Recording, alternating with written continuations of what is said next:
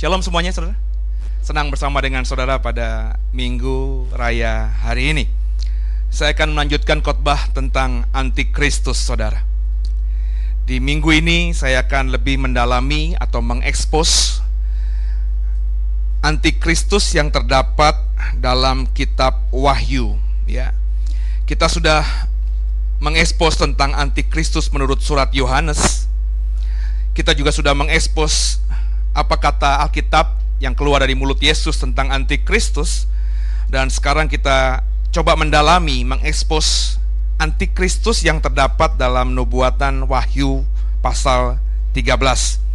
Untuk itu kita akan membaca Wahyu pasal 13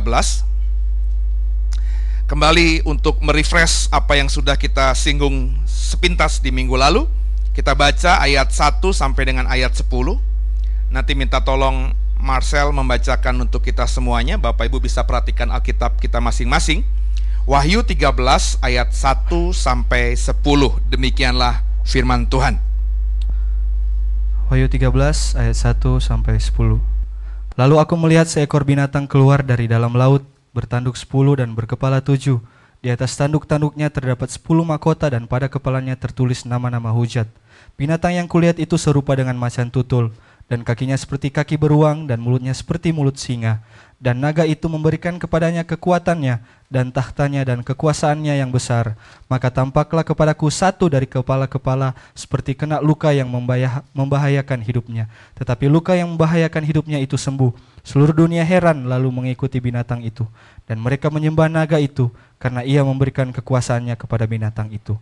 Dan mereka menyembah binatang itu sambil berkata, Siapakah yang sama seperti binatang ini?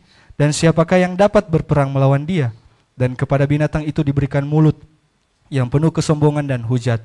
Kepadanya diberikan juga kuasa untuk melakukannya 42 bulan lamanya. Lalu ia membuka mulutnya untuk menghujat Allah, menghujat namanya dan kemah kediamannya, dan semua mereka yang diam di sorga. Dan ia diperkenankan untuk berperang melawan orang-orang kudus dan untuk mengalahkan mereka. Dan kepadanya diberikan kuasa atas setiap, setiap suku dan umat dan bahasa dan bangsa dan semua orang yang diam di atas bumi akan menyembahnya, yaitu setiap orang yang namanya tidak tertulis sejak dunia dijadikan di dalam kitab kehidupan dari anak domba yang telah disembeli. Barang siapa bertelinga, hendaklah ia mendengar. Barang siapa ditentukan untuk ditawan, ia akan ditawan. Barang siapa ditentukan untuk dibunuh dengan pedang, ia harus dibunuh dengan pedang. Yang penting di sini ialah ketabahan dan iman orang-orang kudus. Kekasih Tuhan, seminggu yang lewat ya, saya sudah mengekspos cepat pasal 13 ayat 1 sampai 10 ya. Dan saya sudah mengatakan kepada saudara di minggu yang lalu bahwa berdasarkan Wahyu 13 ayat 1 sampai 10 ini antikristus saya berani meyakinkan saudara, saya berani mengatakan di mimbar ini adalah wujud inkarnasi dari Satan. Ya, itu kenapa begitu dahsyatnya, begitu powerfulnya sosok yang namanya antikristus ini. Ya. Satan selalu mengcopy paste. Nanti Bapak Ibu ikuti khotbah ini seri yang sekarang maupun seri yang setelah ini yang saya akan sampaikan di sesi yang kedua. Ya. Saya ingin mengajak kita memahami pola bekerjanya Satan itu. Ya. Satan itu kalau bekerja, dia selalu mengikuti copy paste atau mengcopy pekerjaan Tuhan. Why? Karena dia tahu siapa Tuhan. Dia tahu siapa Yehova Yahweh itu, saudara. Ya. Dan pekerjaan Allah kepada dunia ini ditunjukkan lewat inkarnasi anak tunggalnya. Lewat anak tunggalnya inilah manusia bisa selamat. Dan nanti di akhir zaman, Satan akan berinkarnasi menjadi antikristus, sehingga lewat antikristus semua manusia akan menyembah Satan. Alkitab katakan dengan jelas. Karena ialah manusia akhir zaman akan menyembah Satan, si antikristus ini. Ia akan menyatakan diri sebagai Allah berdasarkan ayat-ayat yang kita baca. Dan yang Bapak Ibu perhatikan dan saya sudah singgung sangat detail di minggu yang lalu. Antikristus nanti ketika muncul akan memerangi orang-orang kudus, memerangi kita orang percaya. Bukan sekedar memerangi doang ya. Sebab banyak penafsiran mengatakan kalau diperangi sama antikristus nanti kita pasti akan selamat. Enggak, enggak, enggak. Yang bilang selamat siapa? Baca baik-baik Alkitab, ya. Kalau kita baca ayat Alkitab yang dibaca tadi oleh Marcel, ya. Ia bukan saja akan memerangi kita, bahkan akan menewaskan orang-orang kudus. Ya, ayat 7. Dan ia akan diperkenankan untuk berperang melawan orang-orang kudus dan mengalahkan mereka. Kata mengalahkan mereka di sini lebih tepat diterjemahkan dengan kata Indonesia menewaskan mereka. Jadi Bapak Ibu, Bapak Ibu harus siap menghadapi anti Kristus ini. Ini kenapa di bulan Desember ini saya khotbah dan nanti di bulan Januari akan saya mulai upload sempurna selama sebulan penuh. Ya, ternyata nggak bisa cuman sekedar tiga atau empat seri tentang antikristus mungkin sepanjang sebulan Januari. Khotbah ini berarti delapan seri paling sedikit akan saya upload di YouTube tentang antikristus. Karena minggu ini saja saya baru mengekspos antikristus dari Wahyu pasal 13.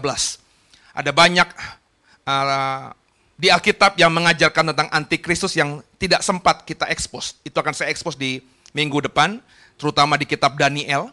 Itu belum pernah saya ekspos sama sekali di mimbar Way ini. Dan juga apa yang dikatakan di Wahyu pasal 17 di beberapa pasal setelah pasal 13. Nah di minggu ini, apa yang harus kita perhatikan? Bicara tentang apa lagi Wahyu 13 tentang sosok antikristus ini? Coba dilanjutkan.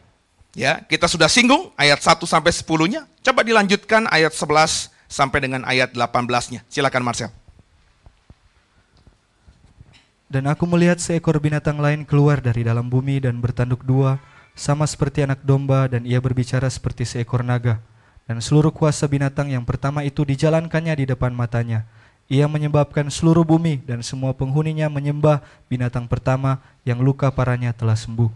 Dan ia mengadakan tanda-tanda yang dahsyat, bahkan ia menurunkan api dari langit ke bumi di depan mata semua orang ia menyesatkan mereka yang diam di bumi dengan tanda-tanda yang telah diberikan kepadanya untuk dilakukannya di depan mata binatang itu.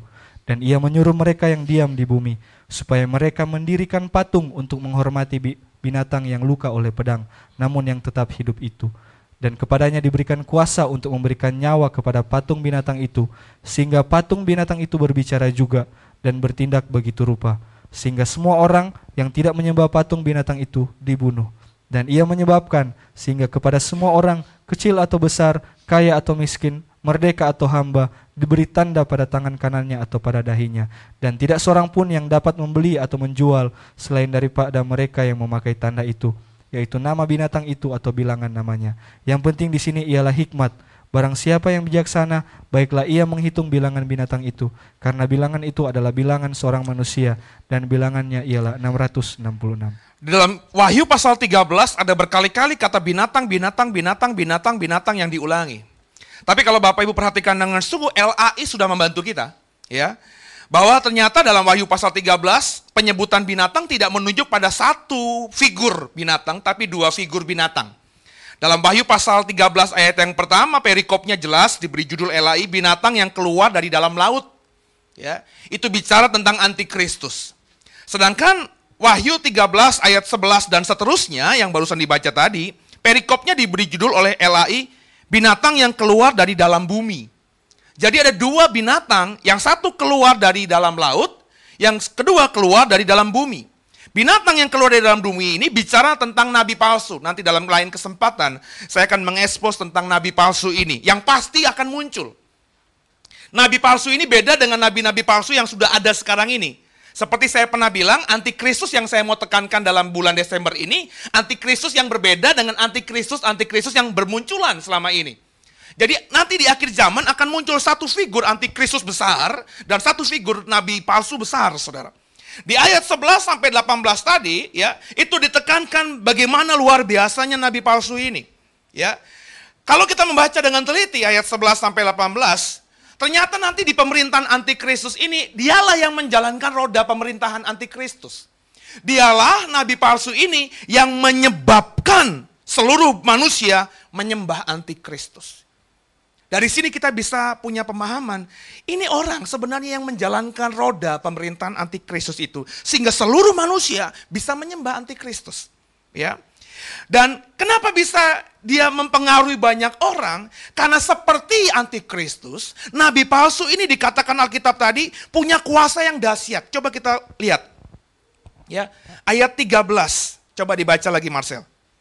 Wahyu 13 ayat 13. Dan ia mengadakan tanda-tanda yang dahsyat, bahkan ia menurunkan api dari langit ke bumi di depan mata semua orang. Bapak Ibu membaca kitab Wahyu tuh jangan membaca dalam konteks orang Indonesia ya. Ya.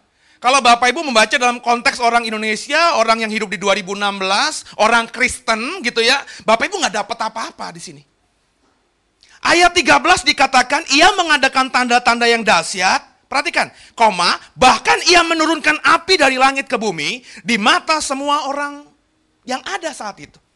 Ini wahyu didapatkan Yohanes, ditujukan kepada orang-orang Kristen abad pertama, yang notabene hampir semuanya sebagian besar berasal dari kalangan Yahudi.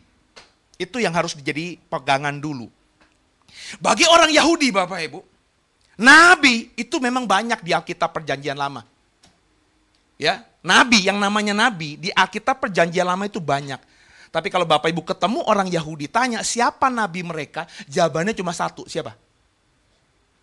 Siapa? Elia. Not Moses. Bukan Musa. Kenapa? Musa bagi orang Yahudi itu adalah pemimpin besar. Ya, bukan sekedar nabi. Ya, itu makanya kalau dalam budaya Yahudi, setiap hari raya hari raya Yahudi, itu rumah tangga Israel kalau memecahkan roti, ya, itu selalu menyediakan dua tempat tersisa di rumah mereka. Ya, untuk siapa? Yang pertama, mereka imani untuk Musa. Yang kedua, mereka imani untuk nabi terbesar mereka, yakni siapa? Elia. Itu kenapa banyak penafsiran yang yang bicara mengenai dua saksi di akhir zaman itu, ya, yang mengatakan bahwa mereka adalah Musa dan Elia. Kenapa? Tanda-tanda yang ditunjukkan di dua saksi itu di kitab Wahyu persis dengan pelayanan Musa dan Elia. Dan Bapak Ibu boleh perhatikan di Alkitab, nabi boleh melakukan banyak mujizat. Tapi nabi yang bisa menurunkan api dari langit only Elia. Hanya Elia. Nanti Bapak Ibu bisa baca kisahnya itu. Peperangan dia dengan siapa? Nabi-nabi Baal. Benar ya? Di satu Raja-Raja 18. Saya sudah pernah khotbah tentang hal itu. Menurunkan api dari langit itu adalah pekerjaan yang paling fenomenal dari Nabi Elia selain kenaikannya ke surga. Benar ya? Karena dia kan tidak pernah mengalami kematian kan? Dia dijemput oleh kereta. Kereta? Kereta kuda. Kereta? Kereta api, bukan juga. Kereta kuda berapi, saudara ya. Kereta kuda bukanlah, itu kereta kuda main di Monas, kelilingin Monas itu. Atau Andong, bukan ya. Kereta kuda berapi. Jadi Elia ini nabi yang luar biasa. Bagi orang Israel, dialah nabi yang tertinggi di antara nabi-nabi lainnya. Jadi ketika Yohanes, saudara, mencatat ayat 13, Wahyu 13 ini, bahwa nabi palsu yang akan datang nanti, itu punya kuasa menurunkan api dari langit, Yohanes ingin mengatakan kepada jemaat awal itu, yang notabene punya pemahaman keyahudian yang kuat sekali, bahwa nabi palsu itu tidak beda jauh, 11-12, dengan nabi besar mereka, yang namanya Elia itu. Yohanes ingin mengatakan bahwa nabi palsu itu bukan nabi ece-ece, Bukan nabi biasa yang bisa melakukan mujizat biasa-biasa, tapi menurunkan api dari langit, saudara. Ya, ia punya kuasa dahsyat. Itulah nabi palsu. Dan di sesi ini, saya ingin menekankan pada ayat-ayat 16, 17, 18. Karena sesi ini saya tidak sedang mengekspos tentang nabi palsu, nanti ada lain waktu. Saya sedang mengekspos tentang antikristus. Apa yang dikatakan Alkitab tentang antikristus yang menitik beratkan pada peran si nabi palsu ini. Ayat 16 sampai 18. Saya akan baca untuk saudara. Perhatikan ayat-ayat ini. Dan ia menyebabkan, ianya ini si nabi palsu itu. Binatang yang keluar dari dalam bumi. Sehingga semua orang, perhatikan baik-baik. Kecil, besar, kaya, miskin, merdeka, atau hamba diberi tanda pada tangan kanannya atau pada dahinya. Saudara, kembali Yohanes ingin mengatakan dengan detil. Bapak Ibu perhatikan kalimatnya. Tidak ada sama sekali kemungkinan orang bisa lepas dari kuasa nabi palsu ini. Dikatakan di ayat 16, semua orang, tidak titik loh ya, koma. Semua orangnya dijelaskan, baik orang yang kecil maupun yang besar, baik yang kaya maupun yang miskin, baik merdeka maupun budak. Itulah dis apa? Itulah uh, bentuk kelompok masyarakat di zaman perjanjian baru. Kecil, besar, kaya, miskin, merdeka, budak. Nggak ada lagi. Kalau sekarang kan ada macam-macam ya. Kaum marginal lah ya, terus kaum menengah ya, kaum atas. Tapi zaman dulu ukurannya cuma besar kecil secara fisik. Kaya miskin secara materi. Ya, terus apa lagi? Apa tadi? Merdeka atau budak cuma itu. Ya, nggak ada golongan-golongan lain merdeka atau budak seseorang, saudara. Ayo sama-sama kita perhatikan. Yohanes ingin mengatakan bahwa semua orang di zaman akhir nanti pasti akan diberi tanda pada tangan dan kanannya, pada tangan kanannya dan pada dahinya. Tanda di sini di ayat 16 menggunakan kata Yunani karakma. Karakma ini tafsiran literalnya adalah tanda yang diukir atau tanda yang digoreskan atau tanda yang dicap atau distempel. Karakma ini dalam dunia perjanjian baru adalah tanda dari kepemilikan. Karakma ini dalam dunia perjanjian baru diaplikasikan pada dua bidang. Yang pertama, karakma ini diaplikasikan pada binatang. Yang kedua, karakma ini diaplikasikan pada manusia. Jadi kalau ada binatang dan ada manusia yang memiliki karakma, ya, maka binatang dan orang itu milik dari seseorang. Nangkap saudara? Jadi kalau orang-orang zaman dulu punya kambing domba atau binatang miliknya, maka semua binatang miliknya itu akan diberikan karakma. Karakma itu apa? Tadi saya bilang, tanda yang diukir atau digoreskan atau dicap dan distempel. Jadi kalau saudara dan saya hidup di zaman dulu, saudara punya kambing domba, supaya ketika kita sedang mengembalakan kambing domba, kambing domba kita tidak tertukar dengan kambing domba milik orang lain, maka kambing domba kita itu distempel, ditato, diberi tanda, dicap dengan tanda kepemilikan dari kita. Sehingga semua orang itu akan tahu kambing domba milik siapa. Begitu juga dengan manusia. Di zaman perjanjian baru masih ada zaman perbudakan, saudara. Saya sudah berkata di mimbar ini berkali-kali, budak itu menjadi milik dari tuannya. Kalau kita hidup di perjanjian baru dan kita punya kekuatan ekonomi yang luar biasa besar, saya pastikan Bapak Ibu pasti punya budak. Saya bilang budak itu properti tak ternilai. Ya, kalau orang sekarang itu bisa menunjukkan kekayaannya, bisa menunjukkan bahwa dia adalah orang yang kaya dengan propertinya. Ya, rumahnya bukan cuma besar, tapi di daerah elit. Benar nggak saudara? Ya, kalau orang kaya raya, ya kaya raya, duit nggak ada masalah, dia bukan cuma punya rumah besar. Karena kalau punya rumah besar di Serpong ini banyak yang punya rumah besar. Nangkap ya? Tapi rumah besarnya pasti bukan di Serpong, di mana? Di Jakarta. Di Jakarta juga bukan di Cengkareng. Ya, bukan di Pik juga ya. Tapi pasti daerah yang pusat, benar nggak? Di ring satu, di daerah Sudirman, Kuningan, Menteng, Tebet, kurang lebih begitu saudara. Dan rumahnya besar. Nah ini yang saya mau katakan, kalau Bapak Ibu kaya, saya kaya dan kita hidup di zaman perjanjian baru, kekayaan kita dinilai bukan banyaknya kambing domba semata, tapi memiliki budak. Dan budak kita itu tidak akan pernah tertukar dengan budak milik orang lain. Kenapa? Karena budak kita, ketika kita beli dari pasar budak, kita kasih karakma stempel, tato. Ingat ya, budak zaman dulu tuh tidak berpakaian. Ya, kalau Bapak Ibu suka film kolosal, ya, semua budak di zaman kekaisaran Romawi itu bertelanjang dada kalau laki-laki. Kalau perempuan pakaian seadanya, ya. Lengan, ya, bagian perut biasanya pundak itu terbuka. Dan di tempat-tempat itulah lengan, pundak, perut atau kaki itu ada karakma milik dari tuannya.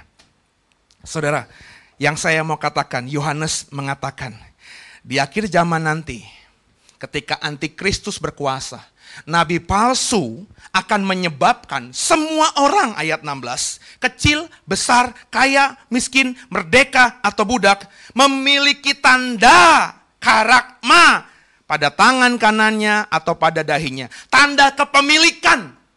Dari siapa? Kalau kita baca ayat yang ke-18-nya. Sama-sama kita baca. Tiga, satu ya. Yang penting di sini ialah hikmat. Barang siapa yang bijaksana, baiklah ia menghitung bilangan binatang itu. Karena bilangan itu adalah bilangan seorang manusia dan bilangannya ialah 666. Jadi di akhir zaman nanti saudara, semua orang, Alkitab yang ngomong ya. Bukan saya loh. Semua orang akan punya tanda kepemilikan dari antikristus di dahi dan di tangan kanannya. Ya. Ayat 18 tadi, kalimat awalnya. Yang penting di sini ialah hikmat. Barang siapa yang bijaksana. Ini kunci menafsirkan tentang apa yang dikatakan Yohanes di Wahyu pasal 16. Maafkan, Wahyu pasal 13. Sebab saya sudah mendalami ini sejak saya bertobat. Saya bertobat sungguh itu benar-benar sungguh-sungguh ya. Itu baru tahun 99, meskipun saya Kristen sejak kecil. Sejak saya bertobat, kesukaan saya adalah mempelajari teologi. Dan yang paling saya suka dari semua topik-topik teologi adalah akhir zaman. Dan buku akhir zaman, tafsiran akhir zaman yang ada dalam versi bahasa Indonesia yang dijual bebas di toko buku mana pun, itu saya punya. Ya, beberapa yang terjemahan Inggris yang tidak masuk dan belum diterjemahkan ke dalam bahasa Indonesia pun saya sudah pernah baca paling tidak kalau saya tidak memilikinya. Ya. Yang saya mau katakan, banyak orang, banyak teolog, banyak penafsir Alkitab menafsirkan tentang 666 ini dengan versi yang berbeda-beda. Alkitab katakan, firman Tuhan katakan, yang penting di sini ialah hikmat barang siapa yang bijaksana. Hikmat dalam bahasa Yunani adalah Sofia. So Sofia artinya adalah hikmat, ya. Secara harafiah Sofia itu berarti ilmu kepandaian. Jadi logikanya dari arti namanya, orang yang namanya Sofia mestinya orang yang pan, pandai.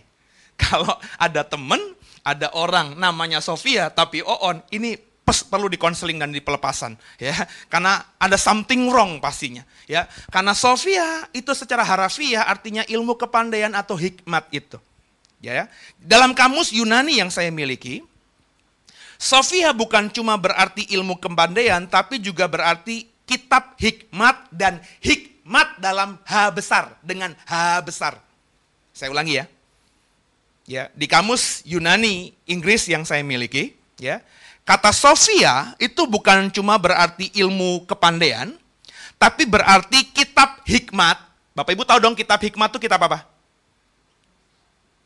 Kitab hikmat di Alkitab itu apa? Roma. Oh, kenceng salah lagi. Amsal, ya. Kitab hikmat tuh kitab Amsal di PL, benar ya? Atau hikmat dengan H besar. Ya. Hikmat dengan H besar ini saya memahaminya hikmat yang dipersonifikasikan. Saya ulangi. Sofia itu salah satu arti harafiahnya adalah hikmat dengan H besar.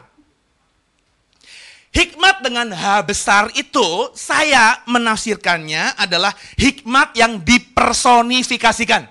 Hikmat yang berinkarnasi menjadi manusia. Hikmat yang menjadi daging. Ya, coba kita buka. 1 Korintus 2, Marcel tolong dibaca. 1 Korintus 2 ayat 7 sampai 8. Kemudian tolong siapkan lagi 1 Korintus 1 ayat 24. 1 Korintus 2 ayat 7 sampai 8, kemudian 1 Korintus 1 ayat 24. Silakan. Tetapi yang kami beritakan ialah hikmat Allah yang tersembunyi dan rahasia, yang sebelum dunia dijadikan telah disediakan Allah bagi kemuliaan kita. Tidak ada dari penguasa dunia ini yang mengenalnya, sebab kalau sekiranya mereka mengenalnya, Mereka tidak menyalibkan Tuhan yang mulia. Kalimatnya benar, perhatikan. Ya. Tapi kami beritakan, yang kami beritakan, kata Paulus kepada jemaat Korintus, ialah hikmat Allah yang tersembunyi dan rahasia yang sebelum dunia dijadikan telah disediakan Allah bagi kemuliaan kita. Tidak ada penguasa dunia ini yang mengenalnya. Sebab kalau sekiranya mereka mengenalnya, mengenal apa? Mengenal hikmat Allah yang tersembunyi dan rahasia itu, ya, maka Alkitab katakan di ayat 8, ya, ya mereka tidak menyalibkan Tuhan yang mulia. Jadi hikmat kata Paulus, hikmat Allah yang tersembunyi, yang rahasia itu adalah Tuhan sendiri yang menjadi manusia. Lebih tajam. Di 1 Korintus 1 ayat 24. Silakan. Tetapi untuk mereka yang dipanggil, baik orang Yahudi maupun orang bukan Yahudi, Kristus adalah kekuatan Allah dan hikmat Allah. Siapakah hikmat dengan H besar yang dipersonifikasikan itu berdasarkan Korintus? Yesus. Ayat 24 tadi katakan Kristus adalah kekuatan Allah dan hikmat Allah. Jadi saya ingin mengarahkan saudara nih, ya, di Wahyu 13 tadi, sebelum kita menafsirkan macam-macam 666 itu siapa, supaya kita tidak salah menafsirkan 666 itu, Alkitab katakan Yohanes sudah mewanti-wanti kita, yang penting di sini adalah hikmat, Sofia. Sofia itu ilmu kepandaian. Selain ilmu kepandaian, artinya secara harfiah, Sofia adalah hikmat hanya besar. H besar hikmat itu bagi saya adalah hikmat yang dipersonifikasikan. Yang ternyata oleh Korintus dijelaskan tidak lain tidak bukan adalah Yesus. Coba kita buka perjanjian lama. Amsal 3 ayat 19. Nanti tolong Silvi siapkan Amsal 4 ayat 11. Dan terakhir Yohanes 14 ayat 6. Coba Marcel bacakan dulu Amsal 3 19. Nanti siapkan Amsal 4 11 dan Yohanes 14 ayat 6. Silakan Marcel. Dengan hikmat Tuhan telah meletakkan dasar bumi, dengan pengertian ditetapkannya langit. Kita tahu dalam ayat Alkitab lain di perjanjian lama, yang menciptakan bumi itu siapa? Dalam perjanjian lama yang menciptakan bumi selain ayat ini siapa? Ini darah Yesus. Pada mulanya adalah firman. Oke? Okay? Terus di dalam kejadian pasal 1 roh Allah melayang-layang. Benar ya? Jadi kalau kita hubungkan dalam kitab kejadian juga surat Yohanes bahwa yang menciptakan dunia ini menurut Alkitab kalau tidak Tuhan bahasa lainnya adalah firman Tuhan, kalimatullah. Oke? Okay? Ternyata dalam Amsal 3 ayat 19 ini ada terminologi lain yang meletakkan dasar bumi bukan terminologi Tuhan atau firman Tuhan, tapi hikmat Tuhan. Oke, coba dibaca Amsal 4 ayat 11. Aku mengajarkan jalan hikmat kepadamu. Aku mengajarkan jalan hikmat kepadamu. Aku memimpin engkau di jalan yang lurus. Kata pengamsal, kata orang, kata kitab hikmat ini Aku hanya besar mengajarkan jalan hikmat kepadamu. Aku memimpin engkau di jalan yang lurus. Dan menurut Yohanes 14 ayat 6, jalan yang lurus itu bicara tentang siapa? Yesus, coba dibaca. Yohanes 14 ayat 6. Kata Yesus kepadanya, Akulah jalan dan kebenaran dan hidup. Tidak ada seorang pun yang datang kepada Bapa kalau tidak melalui aku. Yesus sendiri yang mengatakan, akulah jalan itu, akulah hikmat itu sebenarnya. Jadi saudara kembali ke Wahyu 13 ayat 18 tadi. Yang penting di sini adalah hikmat. Sebelum kita disuruh untuk membaca ya bilangan binatang itu yang jumlahnya 666 Bahasa sederhananya, sebelum kita menafsirkan 666 itu, yang penting di sini adalah hikmat. Hikmat itu selain ilmu kepandaian, juga hikmat H dalam huruf besar. Sofia tadi, bahasa asli Alkitabnya. Hikmat dalam H besar itu menurut Paulus, menurut Amsal, menurut Kata Yesus dalam Yohanes 14 tidak lain tidak bukan menunjuk pada dirinya sendiri. Jadi ketika kita baca yang penting di sini ialah hikmat dan kita tahu sekarang hikmat itu tidak lain tidak bukan adalah Yesus. Apa artinya? Yang penting di sini ialah pengenalan akan Yesus.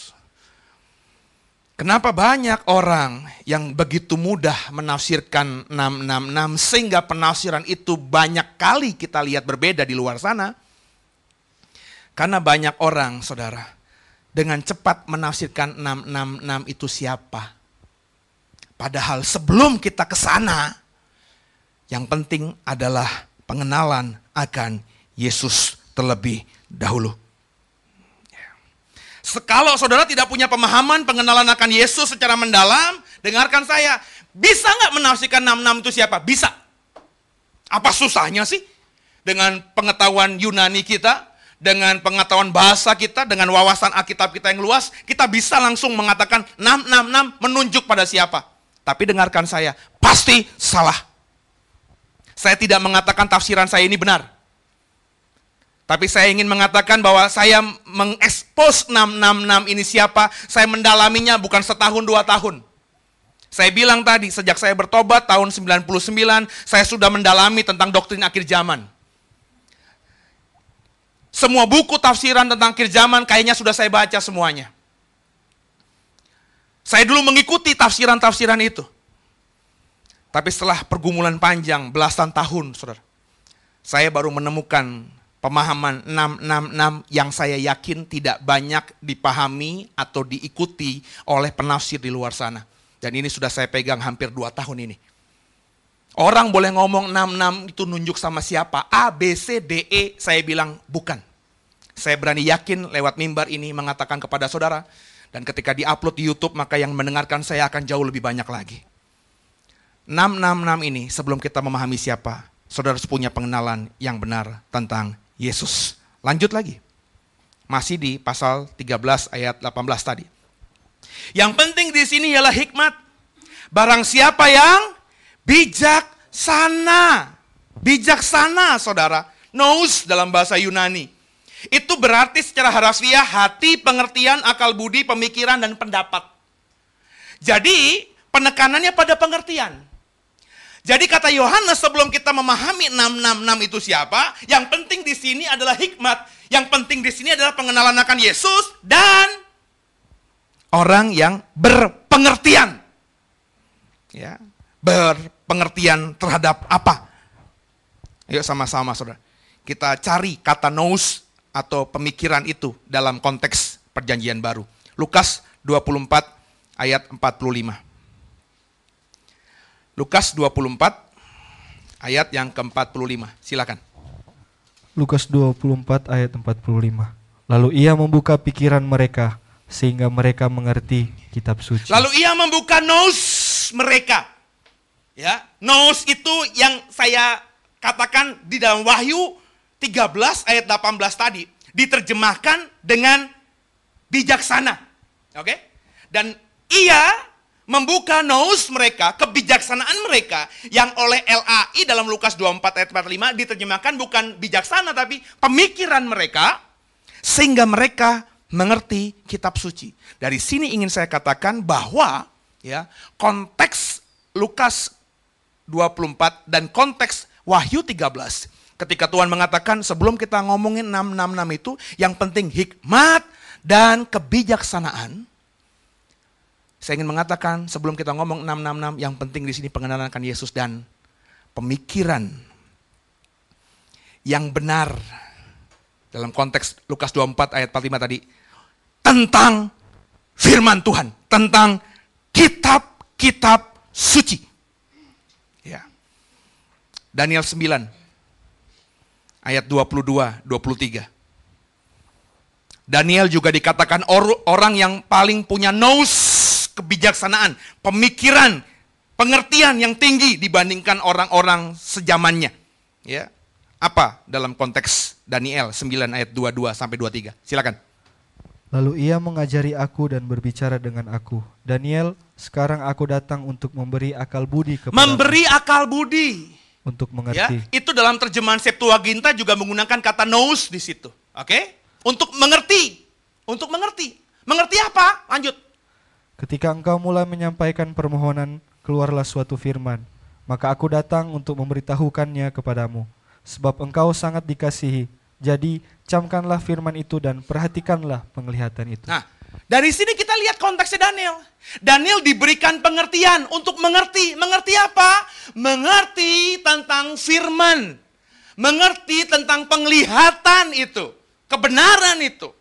Nah, yang saya mau katakan kepada saudara pada sesi ini, ya sebelum nanti akan saya bagikan terjemahan saya, tafsiran saya tentang 666 itu, ya sebelum kita mengekspos itu, Bapak Ibu harus punya pemahaman yang benar dulu tentang Tuhan dan pengertian yang benar tentang firman Tuhan.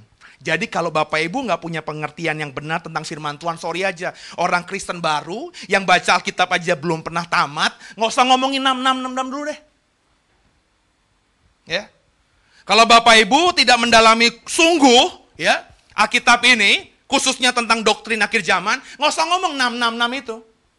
Kenapa? Karena akhirnya banyak seperti yang di luar sana itu. 666 ditafsirkan A, hanya lewat satu ayat saja.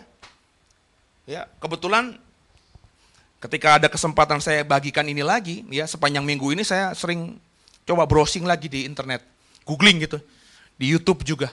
Siapa saja pelayan Tuhan, baik yang di Indonesia maupun yang di luar sana yang mengkhotbahkan tentang antichrist, triple six ini. Kebanyakan, maafkan saya, ya, mereka menafsirkan antikristus dan bahkan berani menunjuk kepada person hanya menggunakan satu dua ayat saja.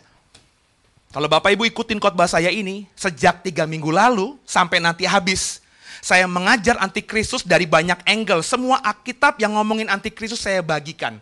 Saya sudah membagikan tentang antikristus menurut kata Yesus di Matius 24. Saya sudah membagikan antikristus menurut surat Yohanes. Dan sekarang ini saya sedang membagikan antikristus tentang nubuatan kepada Yohanes di dalam Wahyu pasal 13. Ya, dalam minggu berikutnya Daniel pasal uh, di kitab Daniel tentang antikristus dan juga Wahyu pasal 17. Jadi saya mengajarkan antikristus dalam angle yang sangat komprehensif. Nanti kita akan ketemu siapa itu antikristus itu. Jadi saudara, itu kenapa penting mengenal Yesus dan mengerti firman-Nya. Kalau saudara sudah sepakat dengan saya, sebelum kita ngomongin 666 itu butuh pengenalan akan Tuhan dan pengertian tentang Alkitab, baru kita dalami. Kembali, tolong dibaca. Wahyu 13 ayat 18, Marcel. Yang penting di sini ialah hikmat. Barang siapa yang bijaksana, baiklah ia menghitung bilangan binatang Op. itu. Baiklah ia menghitung bilangan binatang itu. Kata menghitung terjemahan LAI menghitung inilah yang menjadi problematika dalam penafsiran tentang triple six itu. Ya. Jadi akhirnya banyak tafsir tentang tetragram, saudara.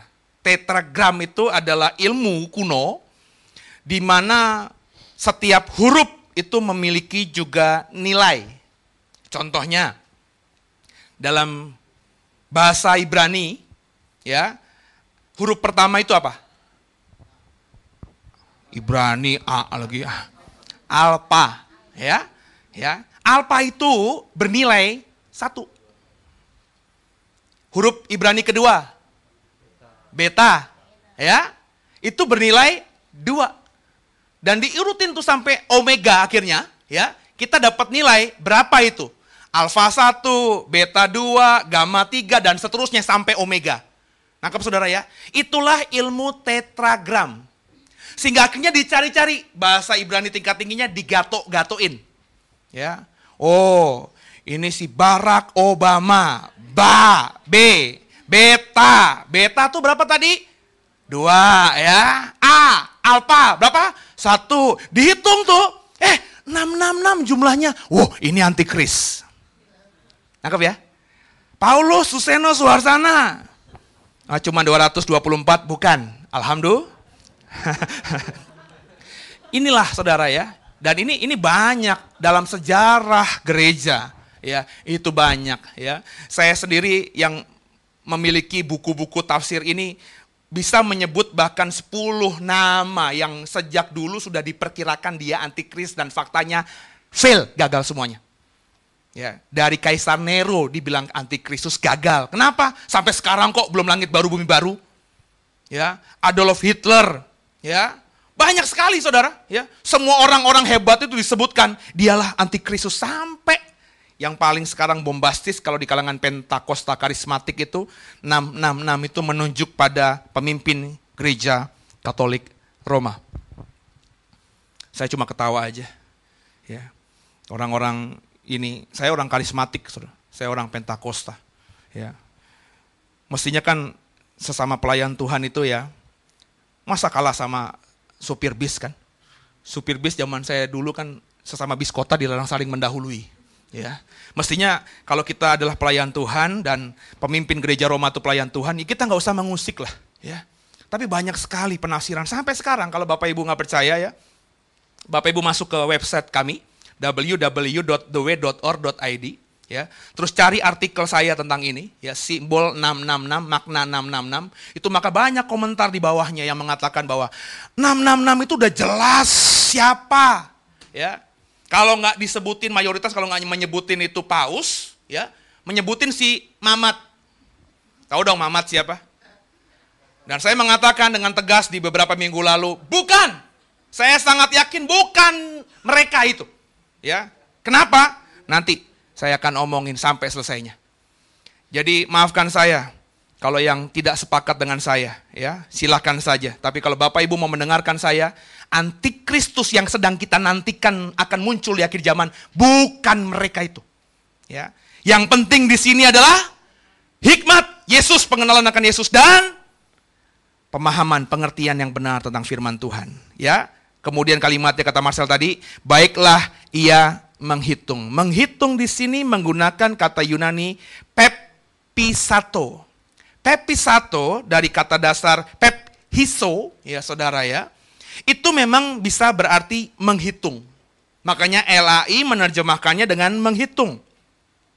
Tapi dalam kamus yang saya miliki, pepisato saudara itu juga bisa berarti mengerti, bukan cuma menghitung.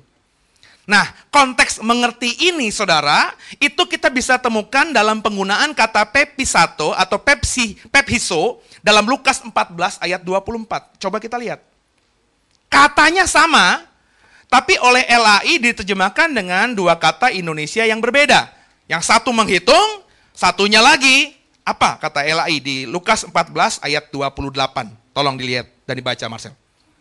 Lukas 14 ayat 28. Hmm. Sebab siapakah di antara kamu yang kalau mau mendirikan sebuah menara tidak duduk dahulu membuat anggaran biayanya? Kalau-kalau cukup uangnya untuk menyelesaikan pekerjaan itu. Nah, perhatikan kalimat ya. Membuat anggaran biaya itu menggunakan kata tadi pepisato ya. Yang di dalam Wahyu 13 ayat 18 diterjemahkan dengan menghitung.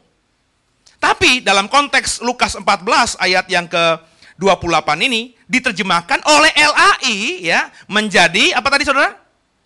Membuat anggaran biaya. Ya. Kata dalam ayat 28 ya. Sebab siapakah di antara kamu yang kalau mau mendirikan sebuah menara tidak duduk dahulu membuat anggaran biayanya, kalau-kalau cukup uangnya untuk menyelesaikan pekerjaan itu, ini saling kait mengkait dengan ayat 31-nya. Saya sudah berkata kalau kita mau menafsirkan firman Tuhan di satu ayat, kita lihat konteks dekatnya. Konteks dekatnya ayat di atas dan juga ayat di bawahnya. Ayat 28 dengan ayat 31 itu kait mengkait. Kalau Bapak Ibu nggak mengerti ayat 28, baca ayat 31-nya pasti mengerti. Kalau cuma baca ayat 31-nya doang, nggak akan nggak mengerti. Coba baca ayat 28-nya, pasti akan mengerti. Coba dibaca sekarang ayat 31-nya.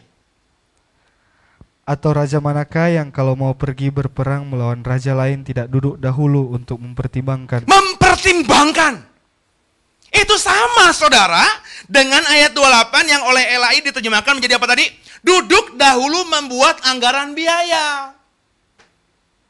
Duduk dahulu membuat anggaran biaya kalau mau bangun menara, itu ayat 21-nya, itu sama dengan mempertimbangkan. Coba baca lengkap lagi ayat 31 Marcel. Atau raja manakah yang kalau mau pergi berperang melawan raja lain tidak duduk dahulu untuk mempertimbangkan apakah dengan sepuluh ribu orang ia sanggup menghadapi lawan yang mendatanginya dengan dua puluh ribu orang? Itu kan konteksnya sama. Ayat 28, kita diminta sebelum bangun menara untuk hitung-hitungan dulu nih, membuat anggarannya. Di ayat 31, raja kalau mau berperang itu mempertimbangkan dulu. Dengan 10 ribu, kita bisa menang nggak lawan musuh yang 20 ribu.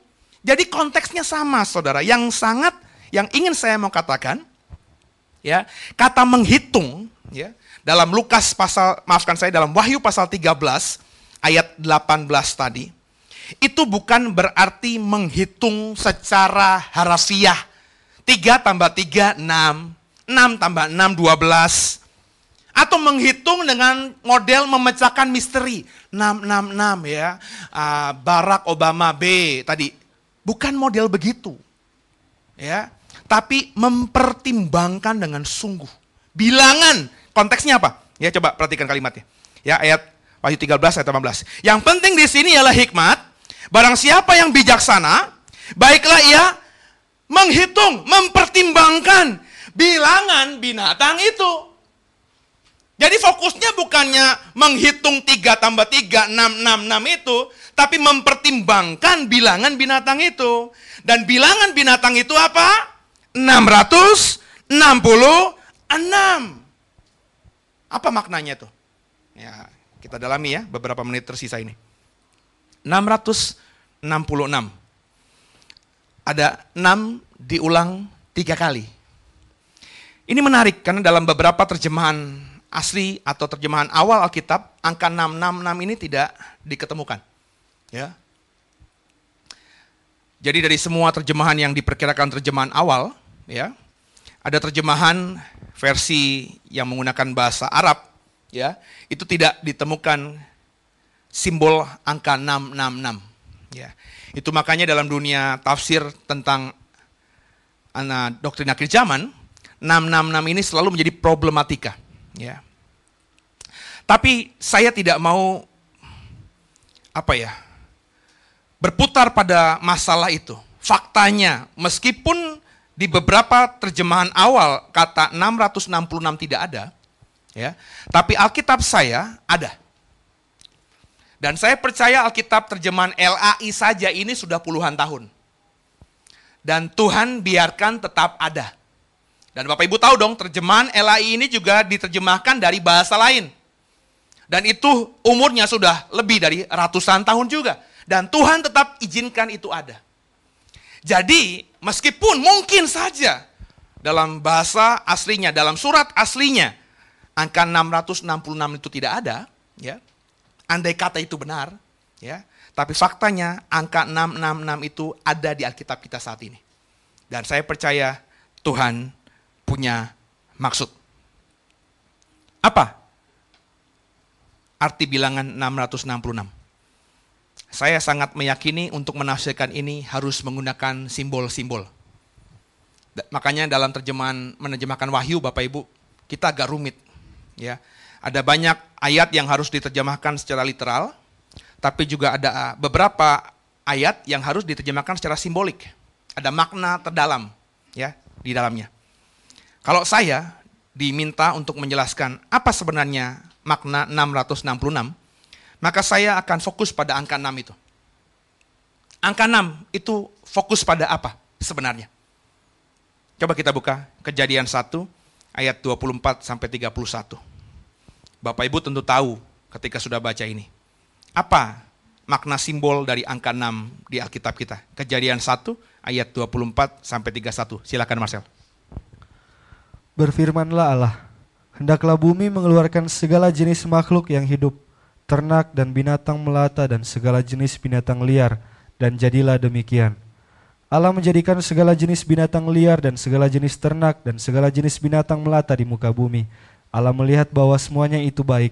Berfirmanlah Allah, baiklah kita menjadikan manusia menurut gambar dan rupa kita, supaya mereka berkuasa atas ikan-ikan di laut dan burung-burung di udara, dan atas ternak, dan atas seluruh bumi, dan atas segala binatang melata yang merayap di bumi. Maka Allah menciptakan manusia itu menurut gambarnya. Menurut gambar Allah diciptakannya dia laki-laki dan perempuan diciptakannya mereka. Allah memberkati mereka, lalu Allah berfirman kepada mereka, Beranak cuculah dan bertambah banyak. Penuhilah bumi dan taklukkanlah itu. Berkuasalah atas ikan-ikan di laut dan burung-burung di udara dan atas segala binatang yang merayap di bumi. Berfirmanlah Allah, lihatlah, aku memberikan kepadamu segala tumbuh-tumbuhan yang berbiji di seluruh bumi dan segala pohon-pohonan yang buahnya berbiji, itulah akan menjadi makananmu. Tetapi segala tetapi kepada segala binatang di bumi dan segala burung di udara dan segala yang merayap di bumi yang bernyawa kuberikan segala tumbuh-tumbuhan hijau menjadi makanannya dan jadilah demikian. Maka Allah melihat segala yang dijadikannya itu sungguh amat baik. Jadilah petang dan jadilah pagi, itulah hari ke-6. Jujur saja saya ketika kalau dengar atau membaca angka 6 yang muncul di otak saya ya pertama 666 itu. Ada sedikit apa sugesti ketakutan terhadap angka itu. Ya, kalau kita naik mobil tiba-tiba ada mobil di depan kita plat nomornya 666. Ih gila dia antikristus, ya. Dia antek setan gitu ya. Kalau Bapak Ibu ke puncak itu di sebelah kiri menuju ke puncak kan ada villa 666 gitu ya. Ih gila nih berarti banyak setannya gitu ya. Memang kalau kita ngomongin 6 itu ya di otak kita orang Kristen tuh selalu konotasinya 666. Ya, tapi sebenarnya angka, angka 6 itu ya kalau kita ngomong pertama kali digunakan di Alkitab itu menunjuk pada penciptaan manusia di hari ke-6. Yang menariknya di hari ke-6 bukan cuma manusia yang diciptakan oleh Tuhan, tapi ada binatang-binatang liar. Dalam bahasa Hebrusnya bisa diterjemahkan binatang-binatang buas. Coba perhatikan tadi. Wahyu uh, kejadian 1 ayat 24 sampai 31 tadi.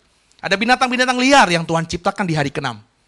Dan saudara, kalau kita melihat pada Wahyu 13, antikristus disimbolikkan dengan binatang yang keluar dari paut dan binatang yang keluar dari dalam bumi. Ya. Jadi di sini sebenarnya kita sedang diarahkan, Saudara, ya, secara tidak langsung kalau saya imani, ya. Oleh Yohanes bahwa ketika dia melihat penglihatan tentang akhir zaman dan pada fokus antikristus dan Tuhan bilang tulis itu, Yohanes ingin mengatakan kepada kita bahwa yang namanya antikristus itu, bilangan namanya 666. Dia ingin mengingatkan pembacanya, bagi saya nih ya, untuk ingat siapa yang Tuhan ciptakan di hari ke-6. Yang Tuhan ciptakan di hari ke-6 selain binatang buas adalah manusia. Dan dihubungkan dengan Bahasa Yohanes ketika nulis si antikristus, dia pakai kalimat binatang. Maka saya berani menafsirkan antikristus itu adalah manusia yang diciptakan Tuhan dari kenam, yang memiliki karakter perilaku seperti binatang liar yang juga diciptakan Tuhan di hari ke-6. Ya. Yang berikutnya, apa makna angka 6? Kalau saya bagi saya, Angka 6 yang paling sederhana adalah satu angka sebelum angka 7. Ya. Angka 6 adalah angka sebelum angka 7. Dan kalau Bapak Ibu benar-benar uh, mendalami Alkitab terus agak ngeroh gitu ya. Angka 7 itu angka sempurna. Angka 7 itu angka sempurna. Kata Alkitab. Benar gak sih? Benar. Kenapa? Karena angka tujuh berulang-ulang di Alkitab digunakan. Pertama ya, kenapa saya bilang angka tujuh angka sempurna. Tuhan menciptakan alam semesta ini berapa lama? Tujuh hari. Oke. Okay? Itu aja udah menandakan, nggak ada hari ke-8. Tujuh, sempurna. Kalau kita baca lagi di Alkitab ya, uh, hari sabat, hari yang dikuduskan Tuhan, di mana semua manusia nggak boleh bekerja. Itu hari yang ke tujuh. Ingat nggak orang Israel? ketika mereka ketakutan menghadapi orang-orang yang ada di dalam tembok Jericho yang karena menurut laporan para pengintai besar-besar raksasa-raksasa. Tuhan bilang apa kepada Joshua? Udah lo nggak usah ngapa-ngapain nggak usah bertempur. Pokoknya kelilingi aja tembok Jericho. Berapa kali? Tujuh kali. Nggak usah perang tujuh kali kemudian bersorak-sorak tiupkan sofar ya. Kemudian tembok itu hancur dengan sendirinya jadi angka tujuh itu memang menunjuk pada angka sempurna jadi kalau angka 6 adalah satu angka sebelum angka 7, sedangkan angka 7 angka sempurna, artinya angka 6 ya angka yang paling tidak sempurna. Angka 6 bagi saya adalah angka manusia tadi kan? Manusia diciptakan di hari ke-6. 7 angka sempurna, 6 manusia yang tidak sempurna. Manusia tidak sempurna ini, saudara, ya itu terlihat di dalam satu Tawarik 20 ayat 6. Saya ketemu satu ayat ini.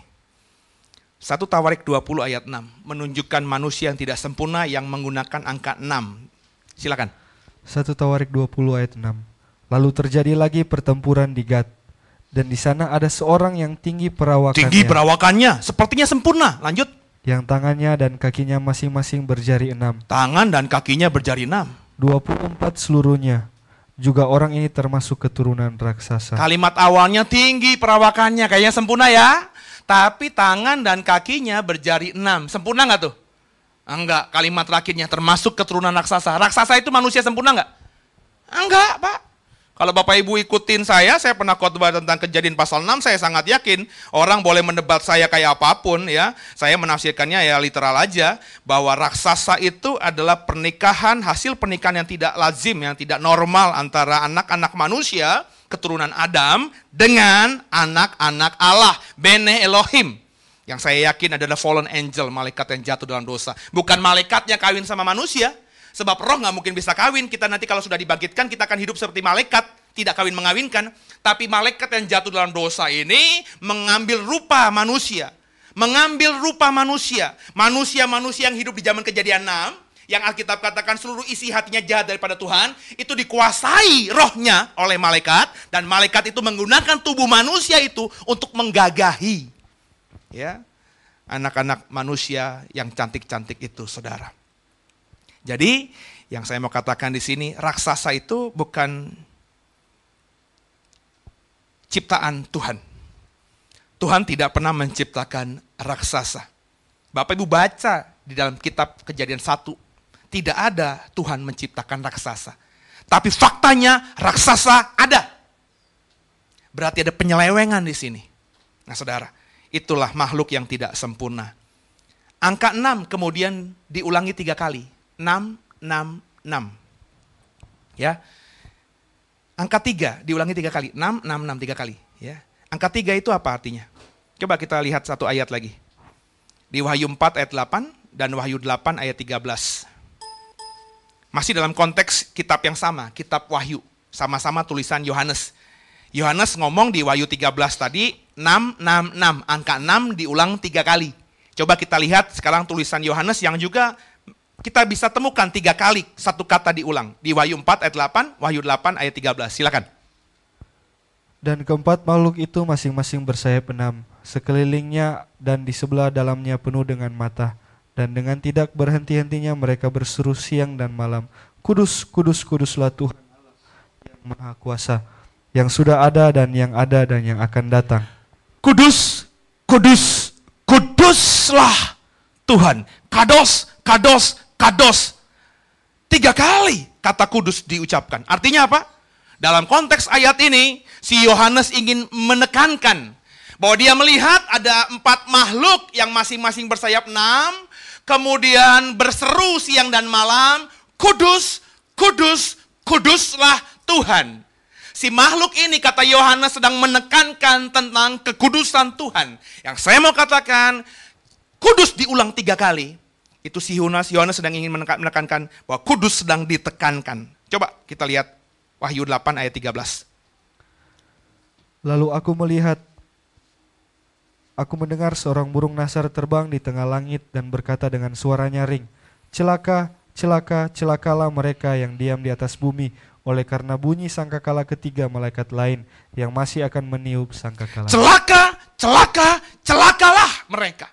Bapak Ibu kalau baca di kitab Wahyu ini, si Yohanes berkali-kali paling tidak sudah kita ketemu tiga kali, ada kurang lebih kesamaan ya, berpikir ada satu kata atau satu angka yang diulang tiga kali. Di Wahyu 13 tadi ada kata, ada angka 6, diulang tiga kali. 6, 6, 6. Di Wahyu 4 dan Wahyu 8 yang kita baca barusan, ada kata kudus diulang tiga kali. Kudus, kudus, kudus. Di Wahyu 8, celaka, celaka, celaka. Kalau kita membaca secara lengkap konteksnya, bahwa Yohanes ingin menekankan bahwa itulah yang sedang ditekankan. Jadi kembali kepada Wahyu 13 ayat 18, di mana ada kata 6, 6, 6. Ada angka 6 diulang tiga kali. Artinya Yohanes ingin menekankan bahwa apa yang dilihatnya dari sosok antikristus ini adalah manusia yang tidak sempurna. Dan itu yang mau ditekankannya kepada pembaca. Maka yang penting di sini ialah hikmat. Barang siapa yang bijaksana. Jadi antikristus itu bukan sistem ekonomi, Antikristus juga bukan sistem pemerintahan. Antikristus juga bukan uh, organisasi, ya, Eropa bersatu, ya, atau persatuan bangsa-bangsa, bukan. Yohanes ingin mengatakan bahwa antikristus itu benar-benar manusia yang tidak sempurna, manusia yang benar-benar manusia. Dia ingin menekankan kepada pembacanya lewat bahasa simbolik bahwa antikristus itu bicara tentang seorang pribadi. Kita manusia memiliki kelemahan kita harus menyadari siapa diri kita. Kita harus terus mengandalkan Tuhan. Antikristus yang sudah kita bahas di minggu-minggu lalu memiliki ciri khas tidak seperti yang saya sampaikan tadi. Antikristus akan menjadi orang yang tinggi hati. Lewat mulutnya dia akan mengeluarkan kata-kata hujat kepada Allah dan penghuni surga. Dan dia akan mengatakan dirinya adalah Allah antikristus adalah inkarnasi dari Satan. Benar-benar manusia. Dan ingat, saya pernah ngomong di 1 Yohanes 2, antikristus itu berasal dari kalangan kalangan kita. Bukan dari kalangan di luar kita. Jadi semua kita berpotensi menjadi antikristus. Lihat kiri kanan. Jangan-jangan lu si 666. Jadi kalau sudah punya karakter nggak benar, ya nggak mengandalkan Tuhan, ya merasa dirimu hebat, kau menjadi orang yang benar-benar tidak pernah mengandalkan Tuhan sungguh. Saya cenderung mengatakan potensi besar kau adalah seorang antikristus. Ini yang saya bagikan pada sesi ini. Sesi kedua jam 11 sebentar saya akan ngomong tentang tanda 666. Apakah itu seperti yang digosipkan oleh orang di luar sana dengan sistem ekonomi berupa chip yang ditaruh di dahi dan di tangan kanan? Apakah itu yang saya tafsirkan juga? Saya akan lanjutkan di sesi yang jam 11. Tuhan Yesus memberkati.